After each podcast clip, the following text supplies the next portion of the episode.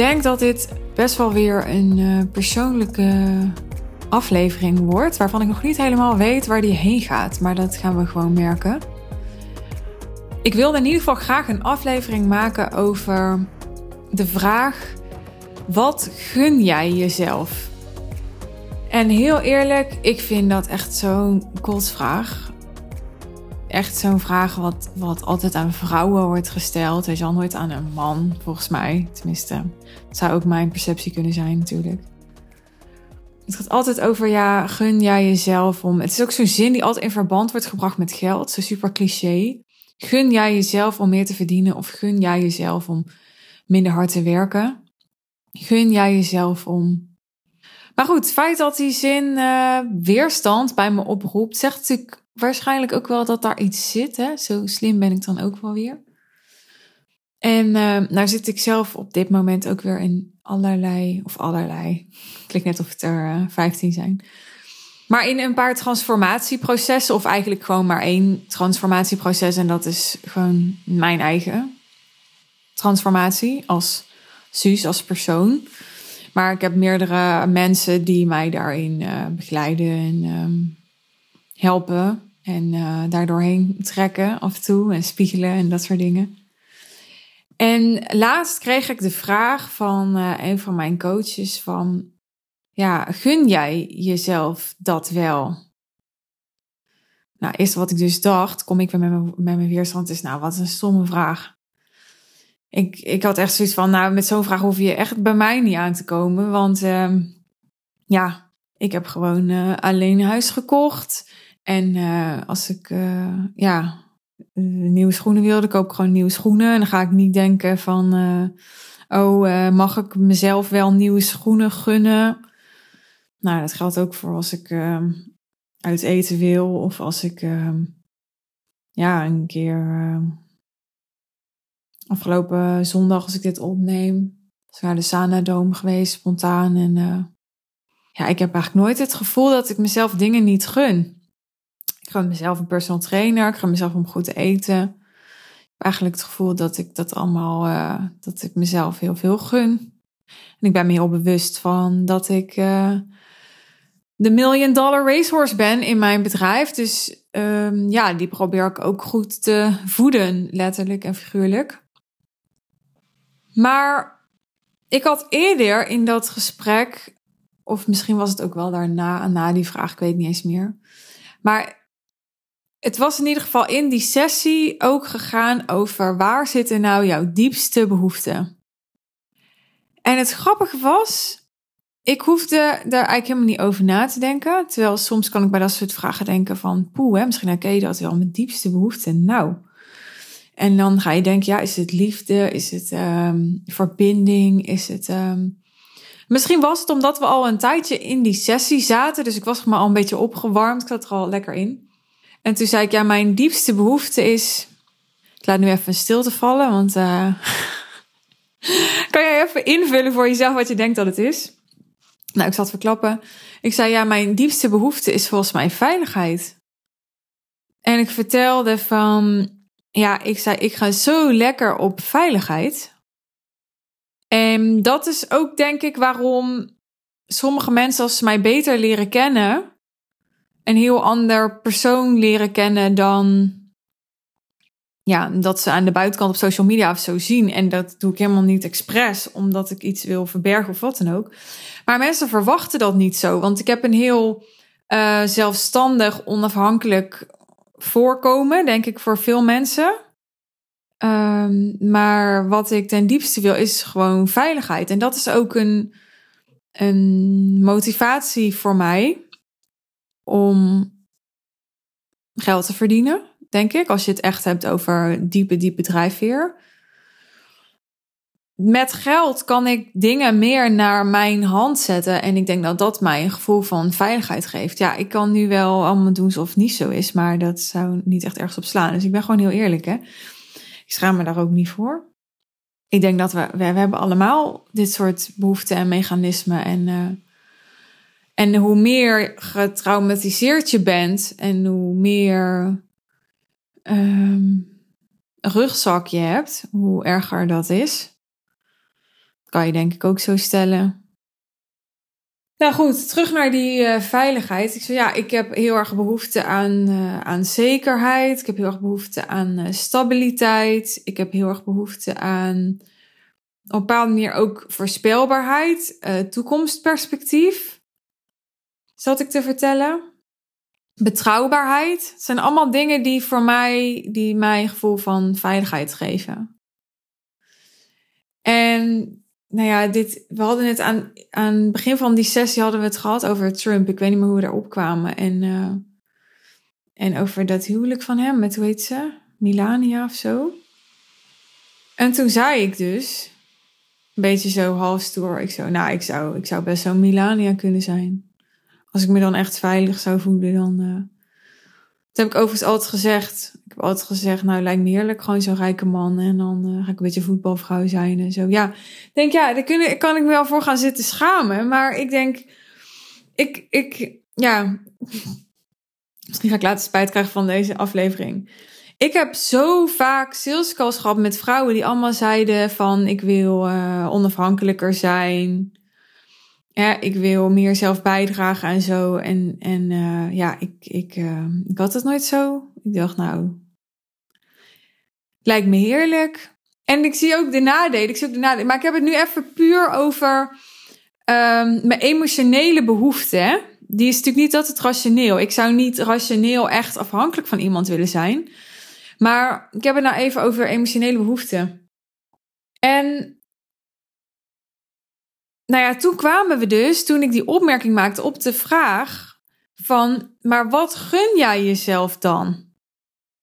Want ja, met die opmerking die je nu maakt, zeg je eigenlijk ook dat je waarschijnlijk niet jezelf een echte diepe, um, vervullende liefdesrelatie of, of echte verbinding of hè, dat, je, dat je dat jezelf niet gunt. Is dat niet eigenlijk wat je zegt? Toen dacht ik, ja, lap zeg, zouden ze dan zeggen bij uh, Samson en Gert. dacht ik, ja, er zit eigenlijk wel wat in. Er zit eigenlijk wel wat in. Dus toen dacht ik, nou, dat is ook grappig. Misschien op een uh, dieper niveau vind ik het eigenlijk wel moeilijk om mezelf meer te gunnen. En ja, wat heb jij hier nou allemaal aan? Nou, omdat ik bij al mijn klanten zie, bij klanten is het makkelijker om te zien dan bij jezelf, hè?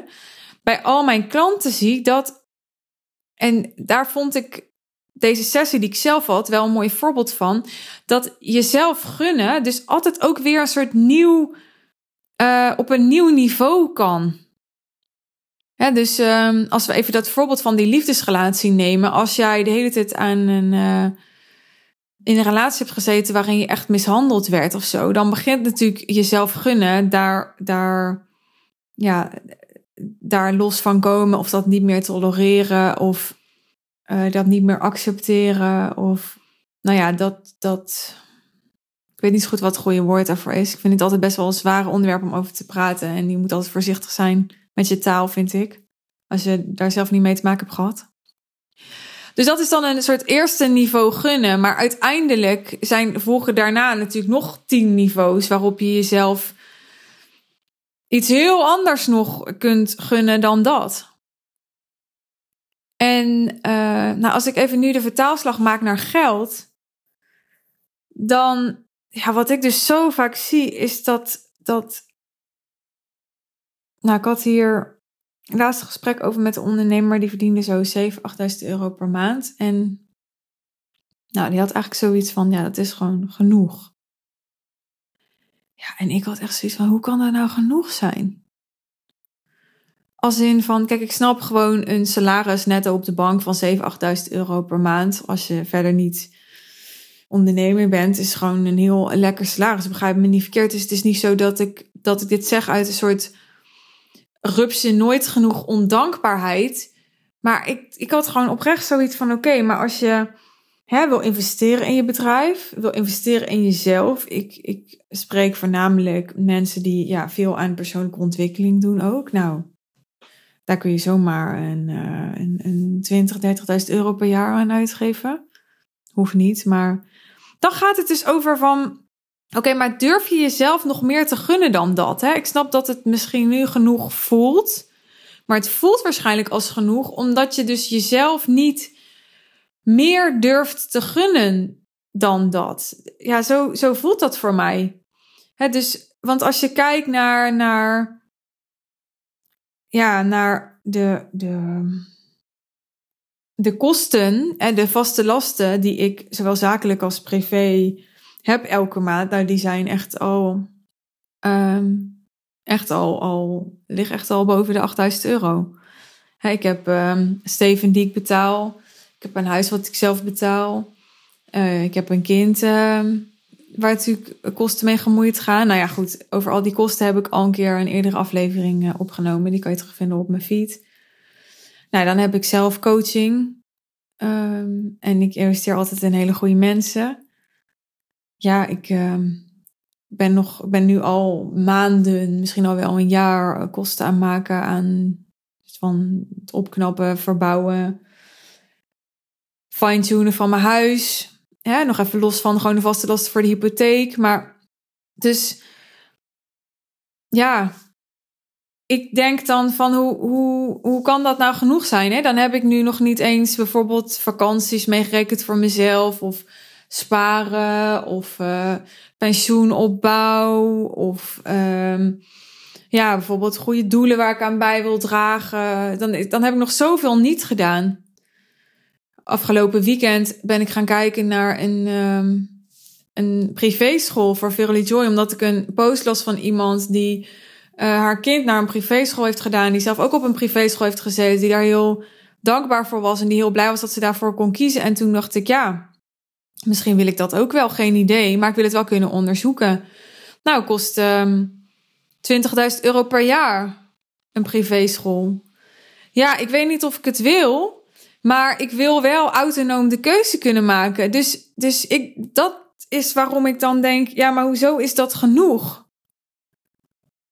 Het is misschien genoeg voor wat je jezelf nu gunt, maar als je jezelf meer zou gunnen, wat is dan genoeg? Ik merk dat, dat ja, ik zou het liefst gewoon. Dat is echt iets waar ik nu naartoe aan het werken ben, heb ik besloten. Ik wil gewoon fulltime een, een PA-assistent, uh, schoonmaakster. Uh, iemand die mijn huishouden doet, van, van mijn vaatwasser uitruimen tot. Uh, mijn kleed schoonmaken als Abby er met zijn eh, hondenpoot op heeft gezeten. Tot mijn jas naar de stomerij brengen. Tot mijn schoenen naar de schoenmaker brengen. Tot um, ja, als ik bepaalde kleding niet meer wil, die naar de tweedehands winkel brengen. Tot als mijn eten op is aan het einde van de week en mijn boodschappen zijn nog niet bezorgd. Even voor naar de Albert Heijn gaan. Um, en dan kan je dan decadent vinden of wat dan ook. Maar ik vind het allemaal echt heel erg uh, afleiden in mijn hoofd.